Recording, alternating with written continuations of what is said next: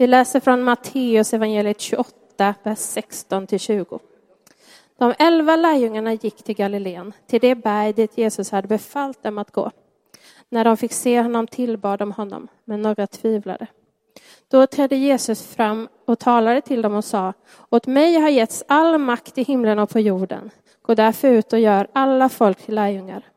Döp dem i Faderns, Sonens och den helige Andes namn och lär dem att hålla allt det som jag har befallt er. Och se, jag är med dig alla dagar till tidens slut. Detta är Guds ord till oss idag. Varsågod och sitt. Välkommen Hans. Stor glädje för mig att få stå här och eh, det här är ju också då sista mötet på vår allhelgonakonferens som vi har kört eh, med här sedan i fredags kväll. Och eh, vad kan vara ett mer passande sändningsord när vi nu ska snart börja rikta blicken åt det hållet och eh, gå ut i vår vardag. För efter en söndag så kommer ju ännu en söndag, men det är en bit bort. Kommer en måndag, eller hur? Visst är det underbart med måndag? Halleluja för måndag. Nåväl. Eh, en text som länge har fångat min uppmärksamhet, som vi ska kika på lite grann, är då Jesu missionsbefallning. Ehm, och ehm, jag har länge tänkt att det är en text som eh, mestadels är till för missionärer som ska resa till ett annat land. Och det är klart att det är underbart att det här är en text till dem också. Halleluja för det.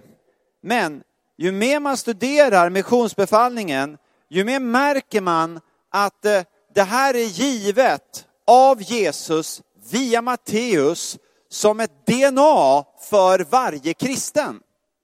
Alltså inte bara för en viss grupp som har ett särintresse av att missionera, utan för varenda kristen. Och det märker vi ju till att börja med, med att Matteus sätter den här texten när Jesus sa det, efter att han uppstått från de döda, som det sista i Matteus evangelium. Bara där får du en understräckning av Matteus själv. Och eh, vi ska kika på texten. Den börjar ju så här. De elva lärjungarna begav sig till det berg i Galileen dit Jesus hade befallt dem att gå. Det var ju väldigt speciellt detta med att innan lärjungarna, apostlarna, mötte Jesus den här första dagen, alltså själva uppståndelsedagen, då mötte ju de honom, var då någonstans? I Enköping? Nej. Jerusalem, eller hur? Men innan apostlarna mötte Jesus i Jerusalem, dagen då han uppstod, redan innan det hade han sänt bud via några kvinnor, några Jesuskvinnor, att de skulle gå till Galileen och där skulle de se honom. Så det var tydligen mycket viktigt för Jesus att han skulle visa sig för dem just i Galileen. Och eh, jag vet vad Galileen är för mig. För mig är Galileen något exotiskt. Jag ska få glädjen att åka dit i november igen om cirka tre veckor. Jag hoppas ni tycker synd om mig. Ni vet, ständig sommar. Fåglarna kvittrar, det är grönt och fint och eh, man vandrar på samma platser där Jesus har vandrat. För mig är det så långt bort ifrån det normala, vardagliga jag kan komma. Det är hyperexotiskt, jag älskar det. Men mina vänner, vad var Galileen för apostlarna? För apostlarna så var Galileen vardag med stort V. Så ska du översätta vad Galileen är för dem och till dig, så skulle det vara som att Jesus sa till dig, gå före mig till köksbänken, där ska jag visa mig för dig. Gå före mig till den där busshållplatsen du tar varenda dag till din skola eller till ditt arbete. Där ska jag visa mig för dig.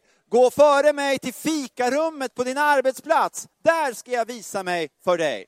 För det är precis där eh, som han visade sig när det var Galileen för apostlarna, på hemmaplan Eh, och sen kan vi lägga märke till att han visar sig då på ett, vadå, berg.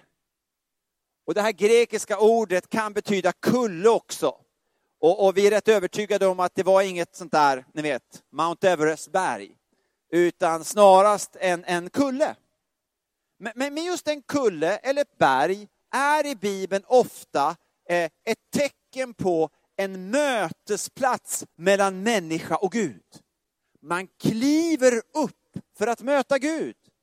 Så när de står på ett berg, på en höjd, på en kulle i Galileen, skulle man kunna säga att de är på ett vardagsberg. Hänger du med? Och vad har vi för vardagsberg? Ja, jag jobbar för något som heter Oasrörelsen. Hur många har talat om det? Ganska många. En förnyelserörelse inom Svenska kyrkan. Och titeln som min styrelse har gett mig, det är inspiratör. Jag har inte tagit den själv. Du kan tänka dig själv om du vore inspiratör men vill knappt lämna huset. Titta sig i spegeln en måndag morgon. Men det är vad jag är. Och eh, när det då gäller detta med eh, vardagsberg, så brukar jag säga, det är lite pinsamt. Jag jobbar för en förnyelserörelse, men jag har inget nytt att komma med. Lite genant. Utan det är samma skatter som kyrkan haft i 2000 år. Fyra ben som håller upp en stol. Nu har jag ingen stol här, men här har vi ju det. Nu är vi tillbaka till kyrkans ungdom-lektionen, eller hur? Bibeln. B. Är ni med? Mats, du är med va? Bibeln, bönen, bröder och systragemenskapen och brödsbrytelsen, gudstjänsten. Brödsbrytelsen tog vi del av redan i förmiddags. Brödsbytelsen kommer igen här i eftermiddag, ett tecken på kyrkan. Och eh, sen så, så har vi då eh, detta med Bibeln. Jag tror ofta att vi underskattar Bibeln, Guds ord. Kyrkan har i 2000 år bekänt att Bibeln är just det, Guds eget ord. Inandat av Gud själv enligt Paulus i andra Timoteusbrevet. Och eftersom det är Guds ord så är det ett skaparord. Det betyder att, att Guds ord skapar i oss. Och det är därför det finns ingen bättre vana du kan få i ditt liv andeingiven nådavana än att pigga upp dig själv med Bibeln i din vardag. Ett bibelord eller flera per dag gör dig pigg, frisk och glad. Eller något sånt där. Um, och de flesta gånger när man läser Bibeln så är det någonting som sker i det stilla, i det lilla, eh, i det fördolda, när Gud skapar någonting här inne. Men ibland får man ett lite mer dramatiskt tecken på eh, vad Gud egentligen alltid gör när vi i tro, om det så är för 30 sekunder eller för 13 timmar, öppnar oss för Bibeln. Jag hade en lördag då jag var ledig. Det är inte vanligt i mitt liv med lediga lördagar, men jag hade det. Och jag hade en rubrik för dagen. Rubriken var Hans bekväma mysdag. Och den vet jag var den ska spenderas, djupt ner i min soffa. Eh, och umgås med familjen, vilket jag älskar. Och sen sport, sport, sport. Jag hade två puckar istället för ögonen där på morgonen. Det var min förväntan på dagen. Och sen har vi ju olika typer av defekter, eller hur? Som C.S. Lewis sa, som vi citerade i förmiddags, vi bör se på varandra som patienter på samma sjukhus. Så vi har olika defekter. En defekt jag har är att jag är väldigt bekväm. Och, och, det låter kanske inte sannolikt för dig, men jag umgås inte så lätt med människor jag inte känner. Och därför tycker jag det är humor att Gud har gett mig den här tjänsten. Så Gud måste ha roligt. Eh, så om jag kommer i köttet, liksom i, i, i, min gamla människa, då är jag som en sån här eremitkrabba. Jag kryper undan en sten och så sitter jag under stenen och tittar liksom ut så. Va? Och det var ungefär så jag tänkte spendera min lediga dag. Sitta med min familj under min sten så. Men så var det dags för, ni vet, ett bibelord per dag gör dig pigg, frisk och glad. Så jag skulle ta min lilla bibelstund. Och då öppnar jag Bibeln och jag läser Bibeln från perm till perm. Inte varje dag, utan på ett eller två år sådär, så tar jag mig igenom Bibeln. Då vet jag liksom alltid var jag skulle börja. Och just den här dagen skulle jag läsa om den rike mannen och Lazarus. Och det är en liknelse av Jesus som handlar väldigt mycket om att bry sig om personen som är vid vår port. Och så började jag läsa på min bekväma mysdag, djupt ner i min vardagssoffa. Det är inte den text som jag skulle ha valt för den dagen, men nu var det ju där jag var i min bibelläsning. Och jag började stilla. Jag ska säga ärligt, jag hade noll förväntan när jag började. Mer än att, ja men det här blir fridfullt, liten bibelstund. Och så började jag läsa. Jag ställde mig på vardagsberget. Och så började jag läsa. Det var en rik man som klädde sig i purpur och fint linne och levde var dag i glädje och fest. Men vid hans port låg en fattig man som hette Lazarus, full av sår. Jag kom inte längre. Jag hade tänkt läsa några kapitel. Jag var lite sådär småsömnig. Men när jag läste orden vid hans port, då tände den helige anden eld i mig. Jag kunde liksom fysiskt förnimma, boom, här händer det någonting. Och det är inte jag, utan det är, det är han. Eh, det tänds en eld och ni vet, det var inte helt bekvämt. För jag kunde inte fortsätta läsa, jag kunde inte ens sitta kvar i soffan. Jag var tvungen att ställa mig upp och så förstod jag någonstans, nej men Gud vill att jag ska träffa någon vid min port. Och ni vet, om någonting inte, inte är typiskt mig, så är det att gå och spana efter nya människor på min lediga dag. Det är liksom så otypiskt mig som det någonsin kan bli. Men nu förvånade jag min hustru. Jag sprang ner till, till dörren ut och började titta ut genom fönstret. Och inom någon minut så kom det förbi två personer, mycket intelligenta, ett par som vi känner. De är inte kristna, låt oss inte säga icke-kristna, utan prekristna. Och eh, de kom gående och vi har umgåtts en del. Vi har talat 95 procent om annat, men ni vet 5 procent om gissa vad? Jo, Gud. Och nu kommer de gående där. Hade jag inte läst bibelordet, hade inte jag stigit upp på vardagsberget, hade smörjelsen inte varit där på det sättet, då hade jag krupit upp längs med trappan till min hustru och sagt, göm dig, kryp ner, det är bara, jag ska bara vara för mig själv idag, det är min lediga dag. Men nu vet ni, nu, nu var ju smörjelsen där, jag hade på mig andens rustning, så jag liksom galopperade ut som en riktig riddare. Och ni vet, då kommer vi ofta in i de här förberedda gärningarna, de Gud har lagt på plats. Så jag går längs med gången ner och de visste inte ens att vi bodde där. Men de tittar upp på mig förvånat. Och de märker att oj, där bodde jag. Och så säger eh, eh, damen i detta par, båda två mycket skärpta, pekar hon på mig och säger hon, Hans, nu vet jag vad jag är. Lite speciellt sätt att börja samtala en morgon kan man tycka. Och jag tittar på henne och säger, jaha, säger jag, vad är du? Och så sa hon, jag är en kristen gnostiker. Och ni vet, hade jag inte läst Bibeln, då hade jag bara, åh nej. Ni vet, gnostiker, det var ju den första irrläran. Eller hur? Rent, ja, knas på, på, kan vi säga. De tror inte Jesus är Gud och människa på samma gång, till exempel. Och eh, nu hade jag ju läst bibelordet, jag hade ju rustningen på mig.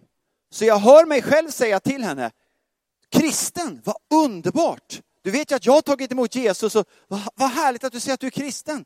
Och när det gäller gnostiker, sa jag till henne, vill jag bara att, att du ska veta att jag tror Jesus är Gud och människa på samma gång. Då small det. På ett härligt sätt. Vi blev inte arga, men det blev liksom en upplivad diskussion kan man säga. Eh, en pigg eh, diskussion under sådär 10-15 minuter då vi pratade just om detta, om Jesus är Gud och människa på samma gång eller inte. Är han unik eller inte? Är han världens frälsare eller inte? Och det small till rejält på ett härligt sätt. Ni vet, jag tror Gud längtar efter att kristna i vårt land ska höja rösten. Inte bara alltid tala med små bokstäver, utan när Gud så leder, våga proklamera tydligt vad vi tror på. Och sen lyssna ödmjukt, men tala ut vad vi tror på. I vilket fall som helst, nu var vi nu ungefär klara med vår diskussion. Då kommer det en man, det här har aldrig hänt mig efteråt. Då kom det en man klädd i rätt så propra kläder med ett litet barn som var kanske tre år gammalt. Den här mannen, jag står så här och pratar med paret, han går bakom mig upp på min uppfart, ställer sig utanför dörren, men ringer inte på. Han bara står och väntar. Det är som att han har tagit så här, Hans Weissbrott, kölapp nummer två. Så jag går upp och frågar honom vad han gör där. Och det kan han inte svara på. Han vet inte varför han är där. Och det vet ju inte jag heller. Eftersom vi inte kan lösa det så frågar han om vi kan ta en fika. Så sätter vi oss och fikar på altanen. Ni vet, hade inte jag läst Bibeln, hade inte jag haft på mig rustningen, och du skulle ha sett mig, åh, oh, så. Men nu, nu hade jag ju glädje i det här. Det visar sig sen att han är ledare för massvis av ungdomar och två av våra barn har varit inne i hans stora organisation. Och det har varit otroligt strategiskt att jag lärde känna honom. Det blev ett fantastiskt samtal, bland annat om Gissa vad. Eh, och nu då. Jesus uppmuntrar oss alltså att kliva upp på vardagsberget. Ta ett litet bibelord per dag. Inte för att det är en lag, inte för att du måste, utan för att det är en gåva från Gud själv.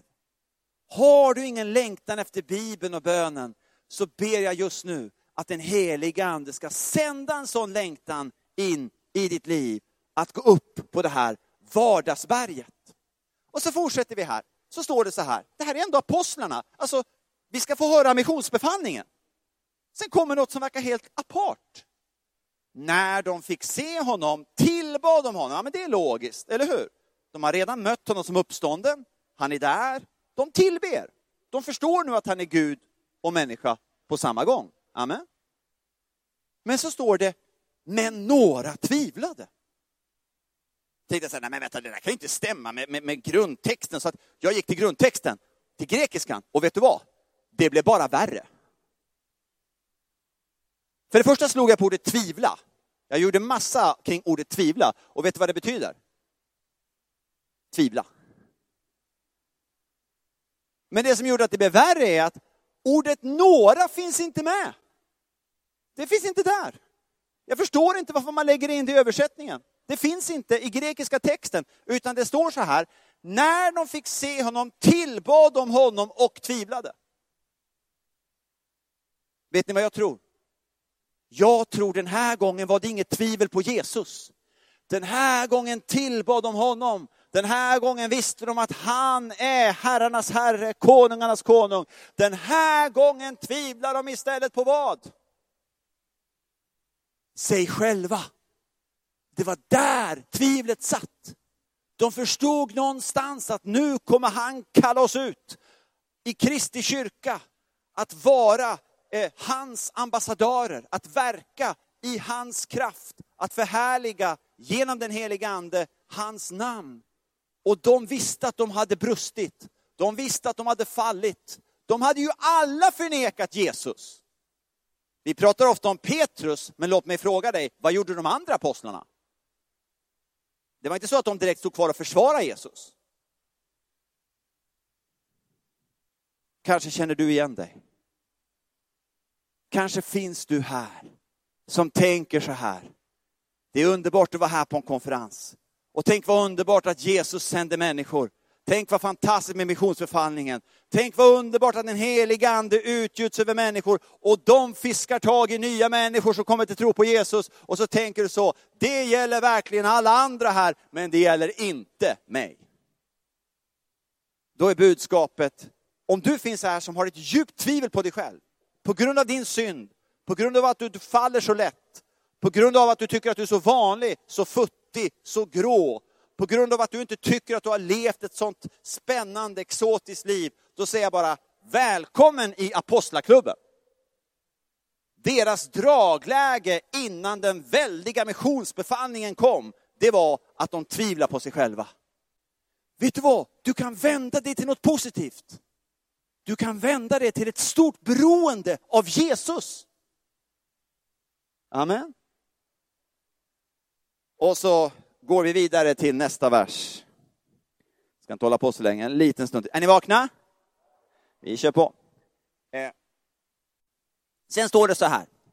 Då trädde Jesus fram och talade till dem och sa, åt mig har getts all makt i himlen och på jorden. Gå därför ut och gör alla folk till lärjungar. Eh, och eh, det som Jesus nu gör här är att han ger oss fundamentet för missionsbefallningen. Fundamentet för missionsbefallningen, mina vänner, är inte våra goda gärningar. Det är inte vår syndfrihet. Det är inte ens vår fromhet eller andlighet. Fundamentet för missionsbefallningen, att den alltid är i funktion, är att Jesus själv är given hur mycket makt? All makt. Jag vet inte vad du tänker, men jag tänker det är ganska mycket makt. Eller? Det är typ all makt. Och eh, det här kopplar ju väldigt bra till sista versen, ser du? Jag är med er hur många dagar? Han som har all makt är uppenbarligen med oss alla dagar. Låt mig ge ett par exempel. Han har all makt genom döden. Det pratade vi om i förmiddags. Han har övervunnit döden. Vi behöver inte vara rädda för döden, han har all makt där. Han har all makt i en livskris. Har du varit i en livskris någon gång? Det har hänt mig. Jag eh, grabbades av stark dödsångest under ett år. Min storbror dog. Han ramlade ner död. Jag fick reda på att det läckte från en hjärtklaff.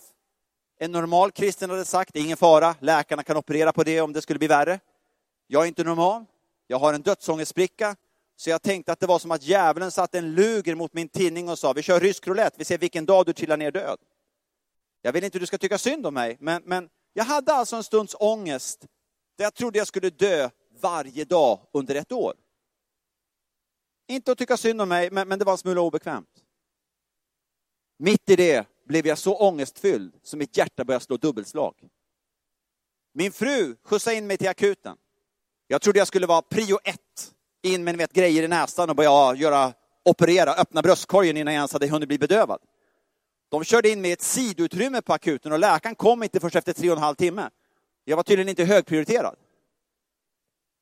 Under den tiden var det för mig som att jag låg i en grav. Jag dog där inne på akuten för mig själv. Men min fru var där. Och så började min fru be. Enkelt, stilla, starkt, i Jesu namn. Och när hon bad var det som att Jesus själv behandlade mig som Lazarus. Han ropade Hans, kom ut!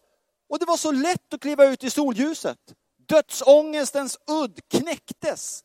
Och jag förstod att Jesus, han har hur mycket makt? All makt. Det är fundamentet för missionsbefallningen. Och så går vi vidare. Och så säger Jesus, gå därför ut och gör alla folk till lärjungar. Och nu ska ni få höra något fantastiskt. Jag vet att har inte mötet lyft först nu så gör det det nu. Nu flyger taket. Okay? Är ni beredda? Jesus använder här en particip som en imperativ. Nu lyfter det, eller hur? Det, om man, man översätter från engelskan blir det mer närmare grekiskan. För det Jesus säger på engelska här är att han säger, om man översätter, going out making all peoples to disciples. Going out, alltså översätt till konstig svenska som blir mer rätt grammatiskt. Jesus säger så här, gåendes ut gör alla folk till lärjungar. Han talar alltså inte om att du gör någonting från punkt A till B. Gud är vår arbetsgivare, vi är inte riktigt sugna på att jobba för honom, men man är ju kristen, så man får ju ställa upp, hoho ja ja, och så får man göra sitt kneg, annars blir Gud arg, det går inte så bra, men jag gör det ändå. Det är alltså inte det som är bilden. Utan Jesus han säger så här, gåendes ut. Vad är det som går ut? Jo min vän, det var det Johannes såg som vi fick höra om i evangelietexten i förmiddags. Han sa, han såg himlen och han sa, jag ser tronen med Fadern och Lammet, alltså Fadern och, Guds son Jesus Kristus. Och så säger Johannes, från tronen rinner livets ström, klar som kristall. Och han fick se hur den här strömmen rinner rakt ner till Kristi kyrka. Så det Jesus säger här, det är att han säger, det finns en ström som går ut från Guds tron varenda dag. 24-7. Som går ut. Så Jesus säger, det går en ström från min tron. Och eftersom Gud älskar hela mänskligheten så går den strömmen alltid ut För Gud längtar efter att nå nya som är förlorade, som han vill rädda. Därför går strömmen ut. Och så är det som att Jesus nästan lekfullt vill säga till dig och mig, vill du hoppa i? Vill du hoppa i? Då gäller det här Johannes 7.37, då Jesus säger, den som har 160 poäng i teologi, kom till mig och drick. Säger han så? Nej, vi får också vara med, men, men han säger inte så. Han säger, den som är törstig, kom till mig och drick. Finns det någon som är törstig här inne? Vet du att du kan inte vara törstig av egen kraft. Törst är en gåva av den heliga ande. Så är du törstig, känner du att du är tom, längtar efter mera Gud, säger jag grattis, det är den heliga ande som håller på att dra dig. Och har du ingen törst, be Gud att ge dig törst. Och sen säger Jesus, den som är törstig, kom till mig och drick. Den som tror på mig, ur hans eller hennes innersta ska det flöda strömmar av levande vatten. Så det är livet som Gud inbjuder dig och mig till varje dag. Att slänga oss i Guds ström, att dricka av hans vatten och så får det flöda ut till andra. Och jag kan lova dig att det här fungerar. Det fungerar till och med för mig som, som egentligen är ganska asocial. Det är som att Gud ger dig och mig, om vi vill ta emot, varsin himmelsk surfingbräda. Och så säger han så här, vill du leva ett spännande liv? Den är inte tung, den är lätt. Det är andens surfingbräda. Och så får du ta den med dig. Och så vet du aldrig när strömmen kommer med en ny våg, där missionsströmmen vill skölja genom dig ut till någon annan. Oftast kommer det när man själv som minst anar att det ska komma. Jag satt en gång på en buss. Jag kom till Mora station och eh, var väldigt trött. Lämnade in en hyrbil. Jag tyckte jag hade varit duktig, predikat en hel helg. Och så där vid Mora station så ni vet, skulle åka tåg till Rättvik. SJ, SJ gamle vän. Så får man höra högtalarupprop, tåget har gått sönder. Nu har vi köpt ut en mängd bussar, så det är bara att hoppa i bussarna. Och då blev jag på dåligt humör. Känner du till nådegåvan att vara sur? Den har jag. Det är ingen nådegåva, det är köttet. Men jag blev sur, ni vet, jag gillar inte att åka buss. Jag gillar tåg, men jag gillar inte buss. Och så kom jag på bussen, och är det någonting jag gillar mindre än, än en buss, så är det en full buss. Det var helt fullt, och jag var trött. Jag hade lite huvudvärk, vilket lidande, Jag hoppas tycker synd om mig. Och när jag är trött så tuggar jag på äpplen, eller tuggummi. Så ser du att jag tuggar på mycket tuggummi, Vicks eller äpplen, då kan du veta att nu är jag ganska trött. Och så kom jag in på bussen, surmulen, och tog då platsen vid gången, sista lediga platsen på ett säte. Och så satte jag mig ner, och jag skäms för det här. Jag hälsade inte ens. Alltså mycket dålig förebild. Utan jag bara satt så här, tyckte synd om mig själv, tugga på äpplet, var tvungen att åka buss en hel halvtimme till Rättvik, stackars mig. Efter en kvart har jag ätit upp mitt äpple. Jag har bara kvar äppelskrotten. Den är liksom, jag har tuggat på själva skrotten också, så det är liksom en liten, liten pinne så. Då ser jag hur någon sträcker fram en plastpåse. Så här. Det är hon som sitter bredvid.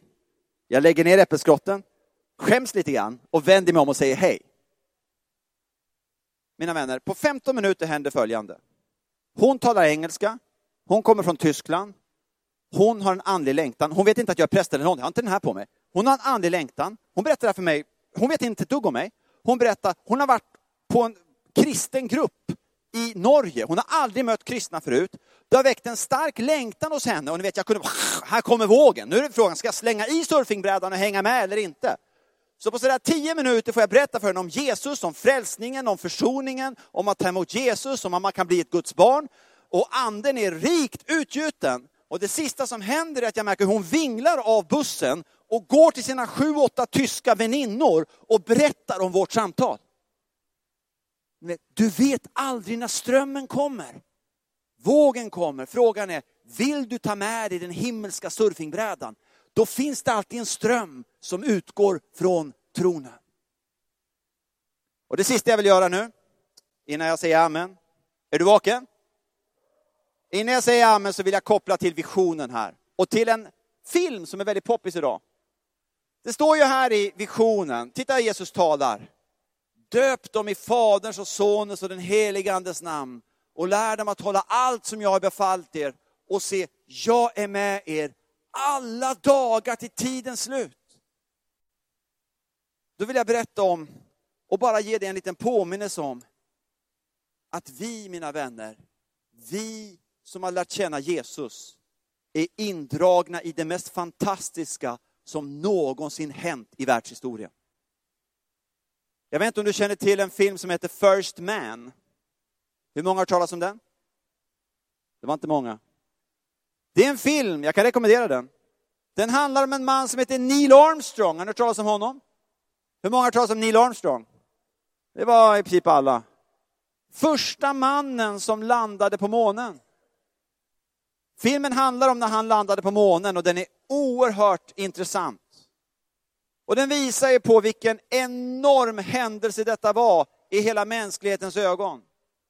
Det var den första tv-sändningen, sa de, som följdes av hundratals miljoner. Efterhand fanns det knappt någon enda på vårt jordklot som inte kände till denne fantastiske Neil Armstrong som hade landat och gått på månen. Och jag menar, jag måste hålla med om, det låter lite småspännande, eller hur? Neil Armstrong kom till Israel ett antal år senare. Och eh, jag har pratat med vännen till den guide som ledde runt honom i Israel. När Neil Armstrong gick runt i Israel så hade han med sig ett stort pressuppbåd. Och så hade han med sig en chefsarkeolog och en guide. Och Neil var ganska sådär, ni vet, stillsam som person. Inte den som talar med stora bokstäver, utan väldigt lugn och ganska stillsam och lite blyg sådär. Nu gick han runt till massa olika platser i Israel. Och så kom han till trapporna som ledde upp till tempelplatsen. Och på sydsidan av tempelplatsen finns 2000 år gamla trappsteg. Och chefsarkeologen han ställde sig och sa att ja, här har du trapporna som går upp till, till tempelplatsen. Eh, och, och, du ser de här skrovliga trappstegen här. Det, det, är alltså mer än 2000 år gammalt så att det är många kända som har gått på de här trapporna, sa arkeologen. Ja, till exempel Jesus kan vi säga säkert, sa han till exempel. Han är ju känd så, han har gått på de här trappstegen. Då berättar guiden, kvinnan som var med, och jag har fått det av en av hennes nära vänner. Då berättar hon hur Neil Armstrong frös till. Och så började han vagga fram och tillbaka. Och så började det strömma tårar ner från hans ögon. Och pressuppbådet, vad är det som händer? Han hade varit så lugn och stillsam och inte visat så mycket känslor innan. Och, och, och guiden hon undrade, liksom, mår han dåligt? Så hon räckte fram näsduken och sa, nej det är okej, det är okej. Så. Och så den där stillsamma, lugna eh, Neil Armstrong, som inte talar med stora bokstäver annars. Nu grät han som ett barn. Hela Israels pressuppbåd var chockat.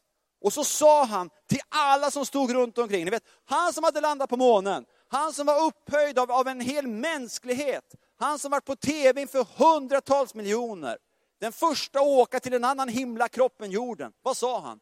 Jo, han sa så här till alla. I got to tell you, sa han. Jag måste berätta för er.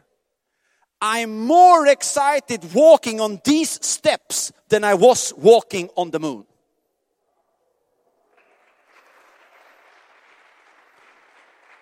Det betyder mer för mig att gå på de här trappstegen än vad det betydde för mig att gå på månen. Och då föddes citatet. Mankind walking on the moon is a small thing compared to God walking on earth. Amen.